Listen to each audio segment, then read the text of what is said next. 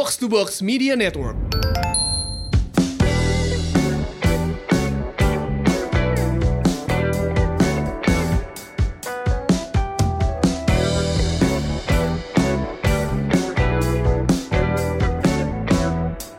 Hai Semurian, welcome back. Ini dia podcast Semur Sehat Makmur dan ini adalah podcast yang mau ngajakin kamu untuk sehat jasmani tapi juga makmur secara finansial. Bersama saya Ligwina Hananto bareng sama rekan saya. Halo, ada FX Mario di sini.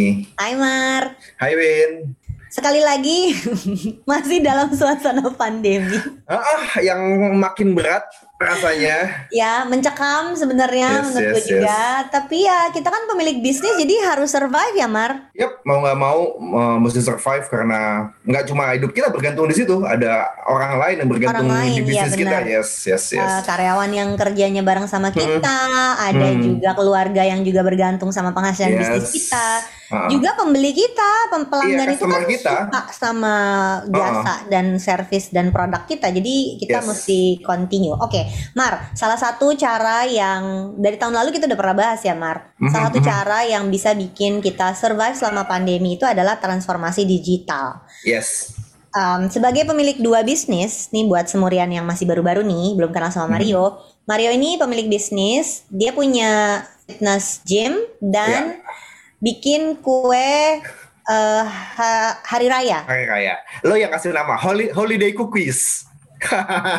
mau Imlek, mau Lebaran, Mau mau, Imlek, Natal. mau Lebaran, mau. Natal, lu sebut dia bisa bikin kue apa aja sesuai hari raya masing-masing.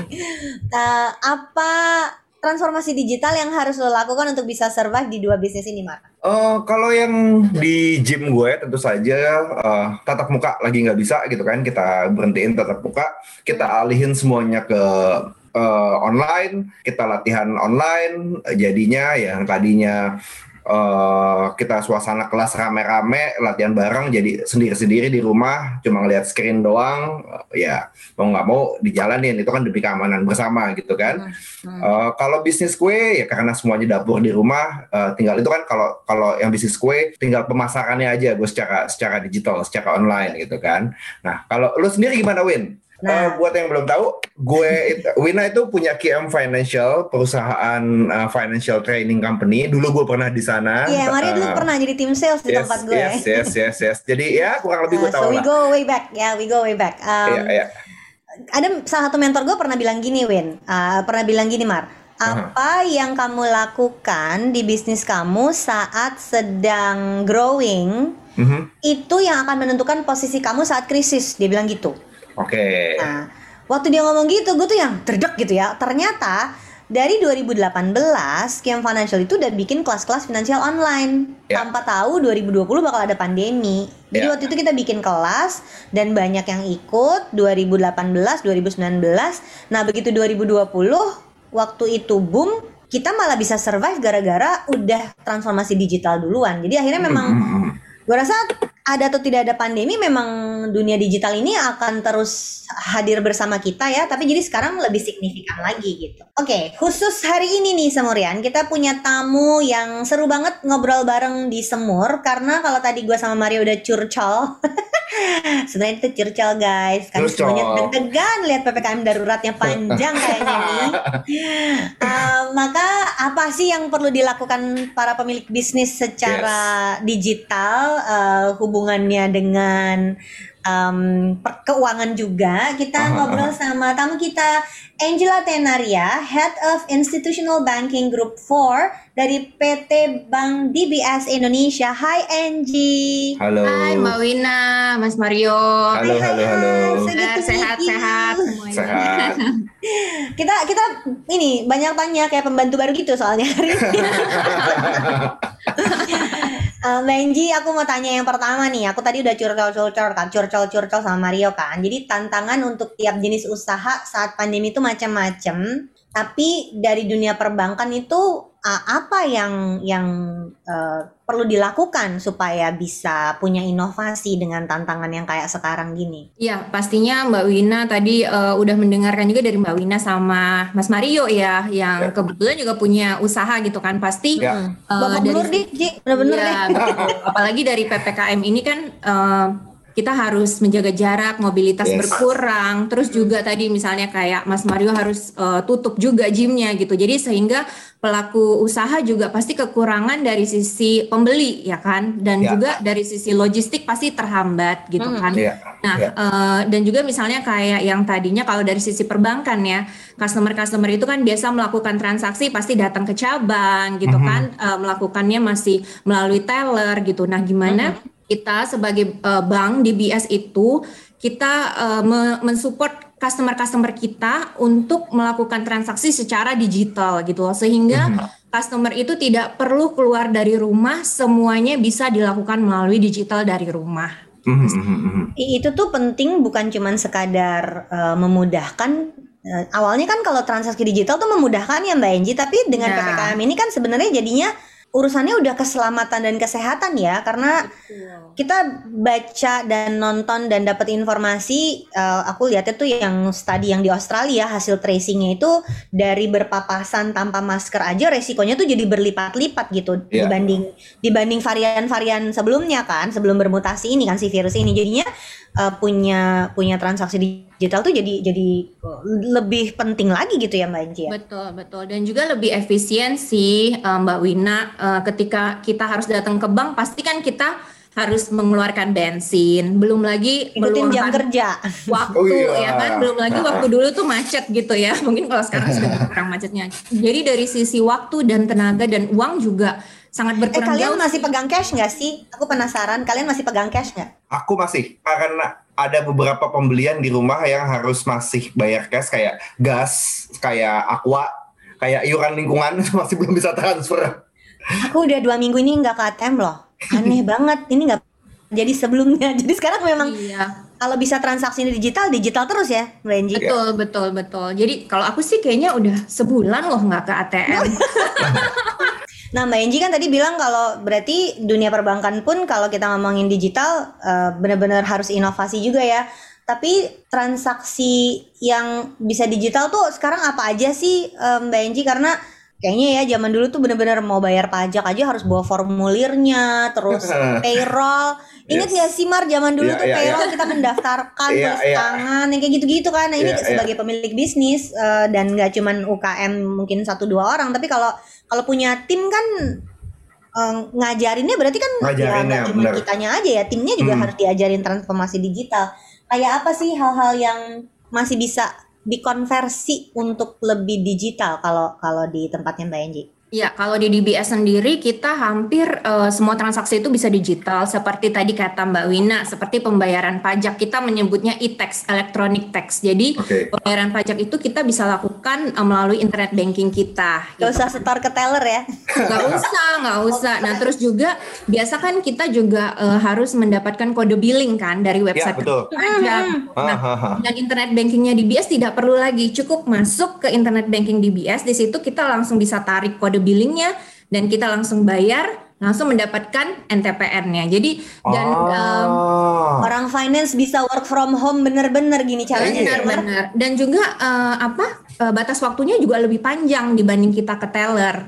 Jadi Mhm. eh, jangka waktu sampai untuk pembayaran pajak elektronik itu sampai jam 8 malam gitu. Jadi Oh, oke. jadi sangat memudahkan banget. Terus Ya yang buru-buru eh, dikejar-kejar harus jam 3 beres karena payroll tadi bayar gaji juga bisa melalui online, Mbak. Terus juga Itu, itu otomatis apa gimana Mbak biasanya? Iya, biasanya kita tetap upload ya untuk dari dari eh, apa eh, data-data karyawannya. Tapi kan karena itu regular, jadi itu kan sebenarnya sudah dilakukan di awal gitu. Jadi satu kali, terus every month tinggal diupload aja gitu. Ini Tinggal. menarik ya. Ini, ini menarik nih. Kayaknya perusahaan-perusahaan banyak juga yang reluctant untuk bergerak digital. Jadi perlu tahu em, service kayak begini supaya ya ayo hadir ke tahun 2021 dong. Jangan terus stuck di, di masa lalu gitu ya.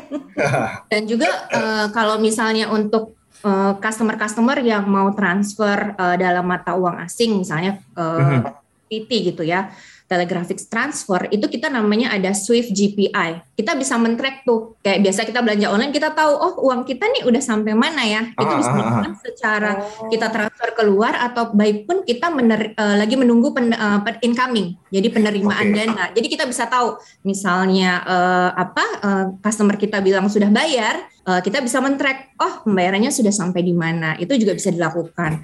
Dan juga misalnya contohnya nih uh, Mbak Wina kelupaan ya kan? Harus mengunlock nih passwordnya. Itu juga bisa dilakukan. tahu aja sih aku tukang lupa password.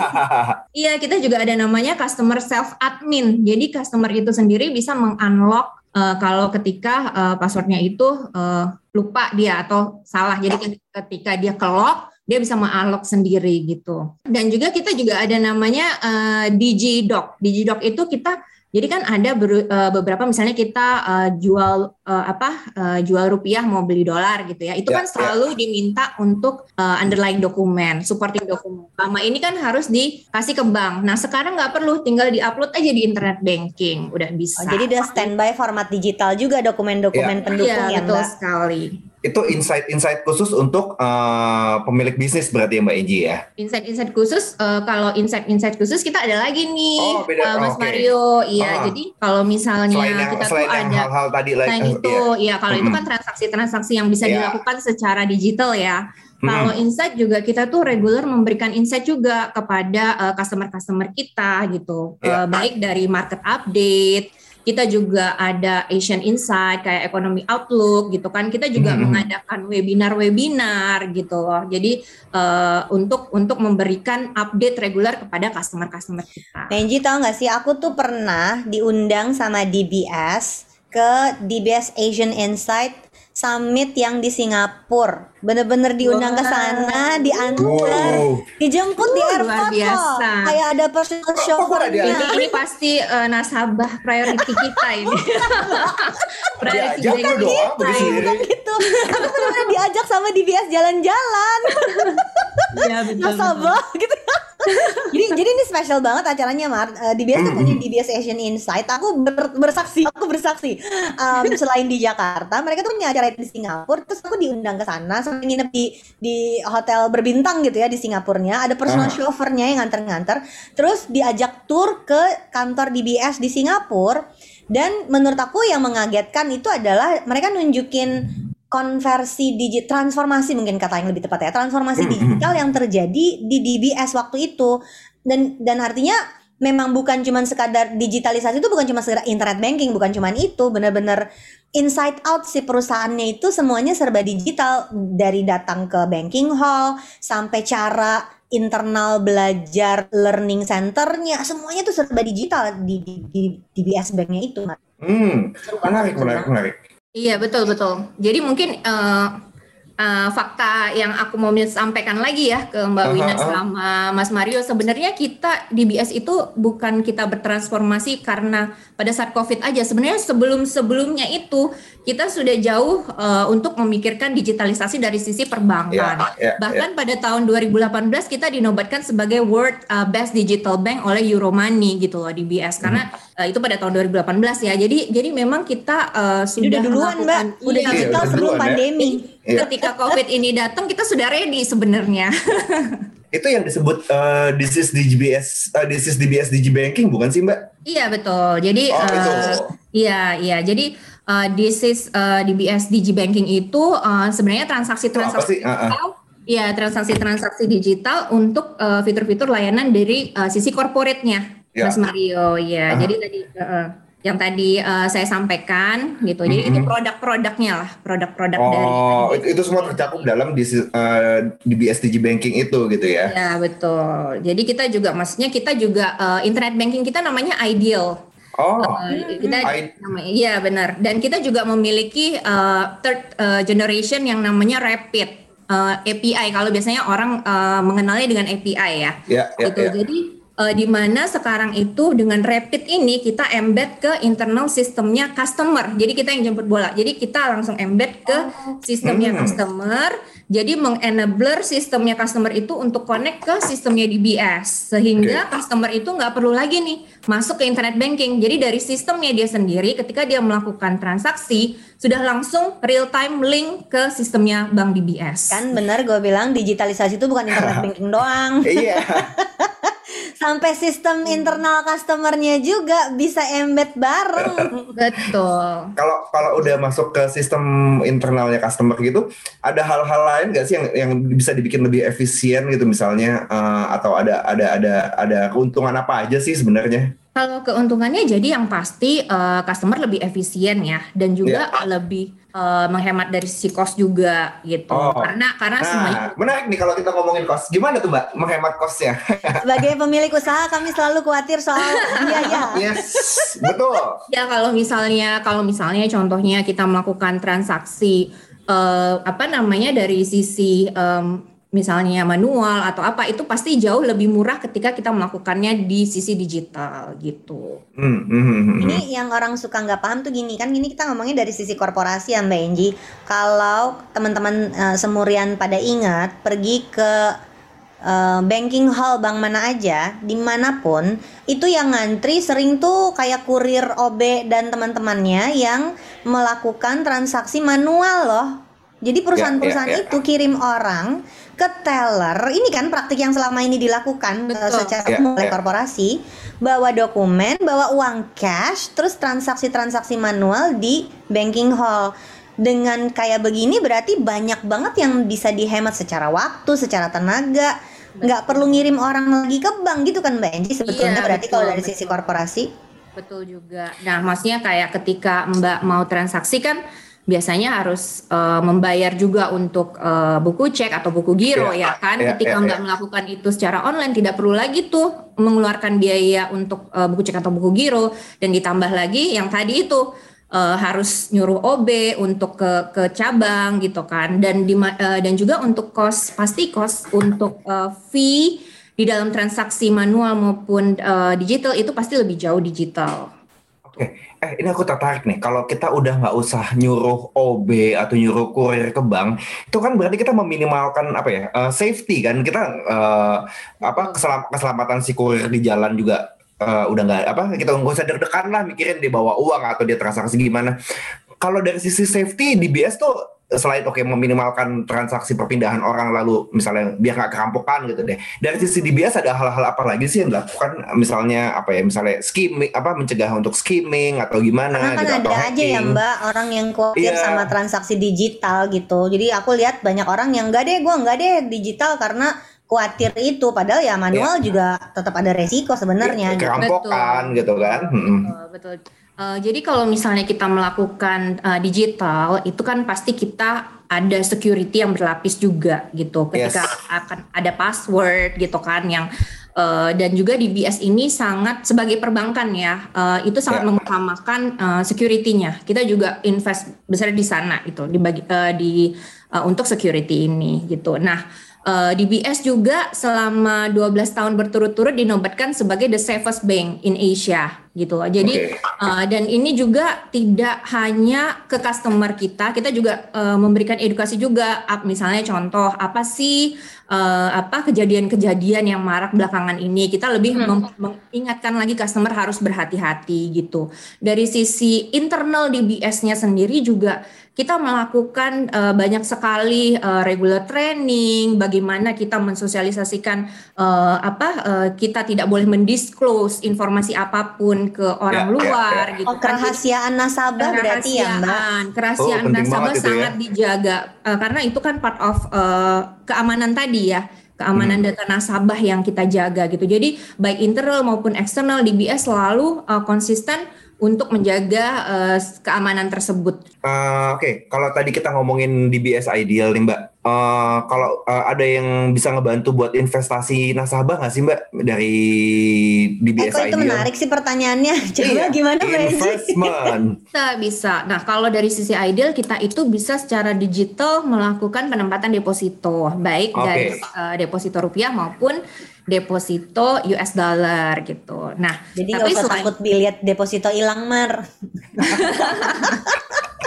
Iya, dan dan kita juga uh, memiliki uh, namanya multi currency account. Multi currency account itu adalah uh, rekening dengan 12 mata uang gitu loh. Jadi 12, cukup wow. satu nomor kita Mhm. dapat 12 mata uang gitu dan di situ Hmm. juga uh, uh, jadi di situ juga kita uh, rekening giro ya gitu. Jadi di- Mhm, uh, mhm. kita juga bisa menempatkan di sana dan juga selain melalui Ideal kita juga sebenarnya punya uh, produk investasi bond baik Hmm, itu oke. government bond maupun corporate bond gitu. Jadi jadi banyak sih kalau misalnya Mas Mario atau Mbak Wina punya access fund boleh nih dicoba untuk Itu Ini solusi melayani- buat buat korporasi sama SMI ya Mbak, bener-bener. Iya, iya, iya. Betul, Kan betul. kita biasanya taunya banking itu untuk uh, lebih ka- karena kitanya nasabah gitu ya, kita lebih kenalnya services yang tersedia tuh digital tuh untuk personal gitu ya Mbak ya, untuk account pribadi gitu. Nah ini kayaknya level up nih, bahkan yang korporasi pun digiring supaya uh, giat melakukan digitalisasi secara perbankan nih Mbak sama Iya, sama dan, dan juga kita tidak hanya memiliki internet banking, tapi kita memiliki mobile banking buat perusahaan. Nah itu kan Oh, yang, yang oke. cara di- Oh, oke. biasanya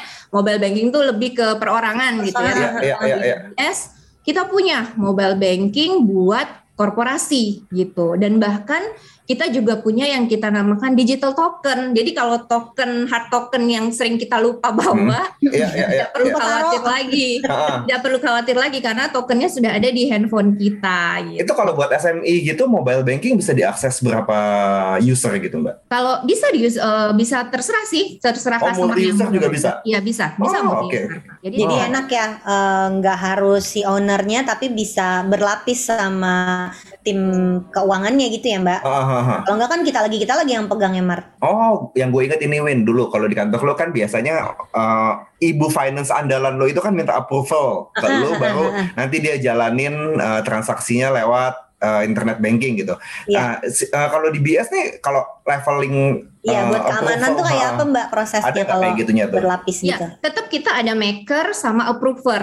Oh, jadi, oke oke nah, oke. jadi yang maker itu hanya bisa membuat transaksi di approve oleh eh, orang yang mengauthorize untuk transaksi itu Iya. jalan. Jadi biasanya jadi, atasannya situ- gitu kan. eh, eh, betul. Jadi atasannya itu bisa bisa di set sih. Ini ini ini menurut aku penting terutama kalau korporasi udah biasa ya kayak gitu Udah ada biasa. dua orang di keuangan Ah. satu yang bikin satu yang approve nih. Kalau pemilik bisnis kecil nih atau SMI kadang nggak biasa nih kayak gini apa-apa harus bosnya terus, ownernya terus. Menurut Iya, aku iya. ini eh, sistem kayak gini nih bisa dipakai untuk belajar delegasi kayaknya. Betul. Iya sih? betul Oh, iya, sekali. Jadi iya, iya, iya. orang keuangan yang bikin transaksi kan tetap si owner harus bikin approval kan, tapi nggak Betul. semuanya harus kita yang kerjain tahu biar Iya. otak kita tuh bisa dipecah buat yang lain gitu. Oke oke, betul itu betul menarik tuh. betul.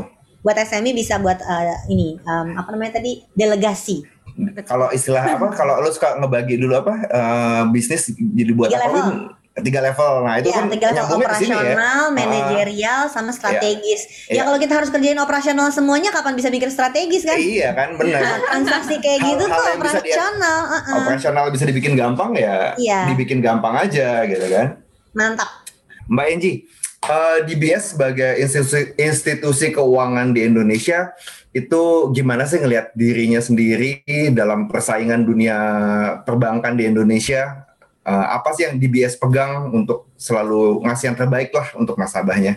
Oke, eh, jadi gini Mas eh, Mario, Hmm. kita itu sebagai bank kita tidak hanya melihat dari profit aja gitu, Oke. tapi bagaimana Bank DBS ini bisa membuat dunia lebih baik for a better world ya. Eh, jadi Oke. dan kita itu eh, memiliki tiga eh, pilar sustainability Mhm. yaitu responsible banking, responsible business practice, sama Mhm. social impact gitu. Nah, Mhm. jadi masing-masing itu misalnya responsible banking itu bagaimana ketika uh, kita juga dalam uh, memberikan uh, apa uh, pinjaman atau fasilitas kepada customer kita yang memperhatikan lingkungan gitu. Jadi uh, dan juga ketika kita melakukan pemilihan vendor, kita juga lebih memilih kepada uh, social entrepreneur di mana dia uh, berdampak terhadap uh, sosial gitu. Dan dan kita juga memiliki um, social impact ini kita banyak sekali.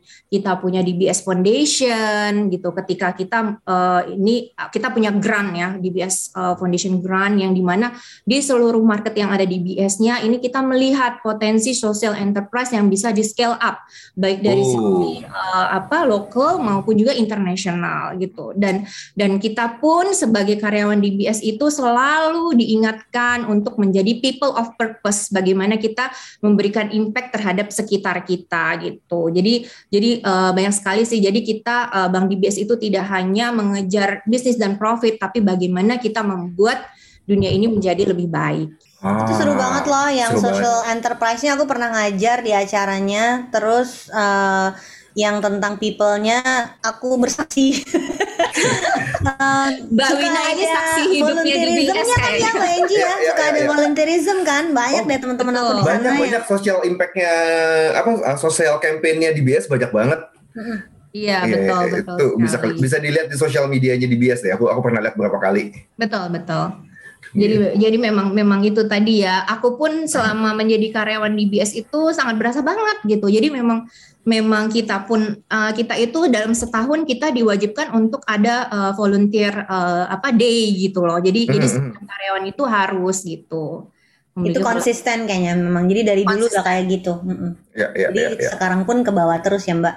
Iya. Ya, betul. Dan emang lagi pandemi ini kita memang butuh lebih banyak tolong menolong ya kerasa banget ya. Betul. Iya betul sekali. Apalagi di situasi kayak gini uh, di saat inilah kita harus lebih banyak menolong gitu kan baik dari sisi customer maupun di sekitar kita sih. Thank you banget ya Mbak Angie, senang banget ngobrolnya hari Sama -sama. ini. Always thank you, thank fun you. to learn more. Um, yeah. Dan aku seneng banget tadi ngobrolin tentang uh, gimana kita bisa bantu uh, small business Sesama, ya. enterprise untuk mm -hmm. um, masuklah ke dunia digital ke mana aja deh kok masih manual-manual sih gitu ya untuk bisa survive ya cara kerjanya harus digital termasuk juga transaksi perbankannya tapi tadi ada bonus pointsnya juga nggak cuman secara produk tapi secara So perusahaannya juga banyak banget hal-hal baik yang ingin dikerjakan bersama-sama. So thank you for joining us at Semur. We're so happy to have you. Thank you Mbak Enji. Thank you, thank you. Stay safe everyone.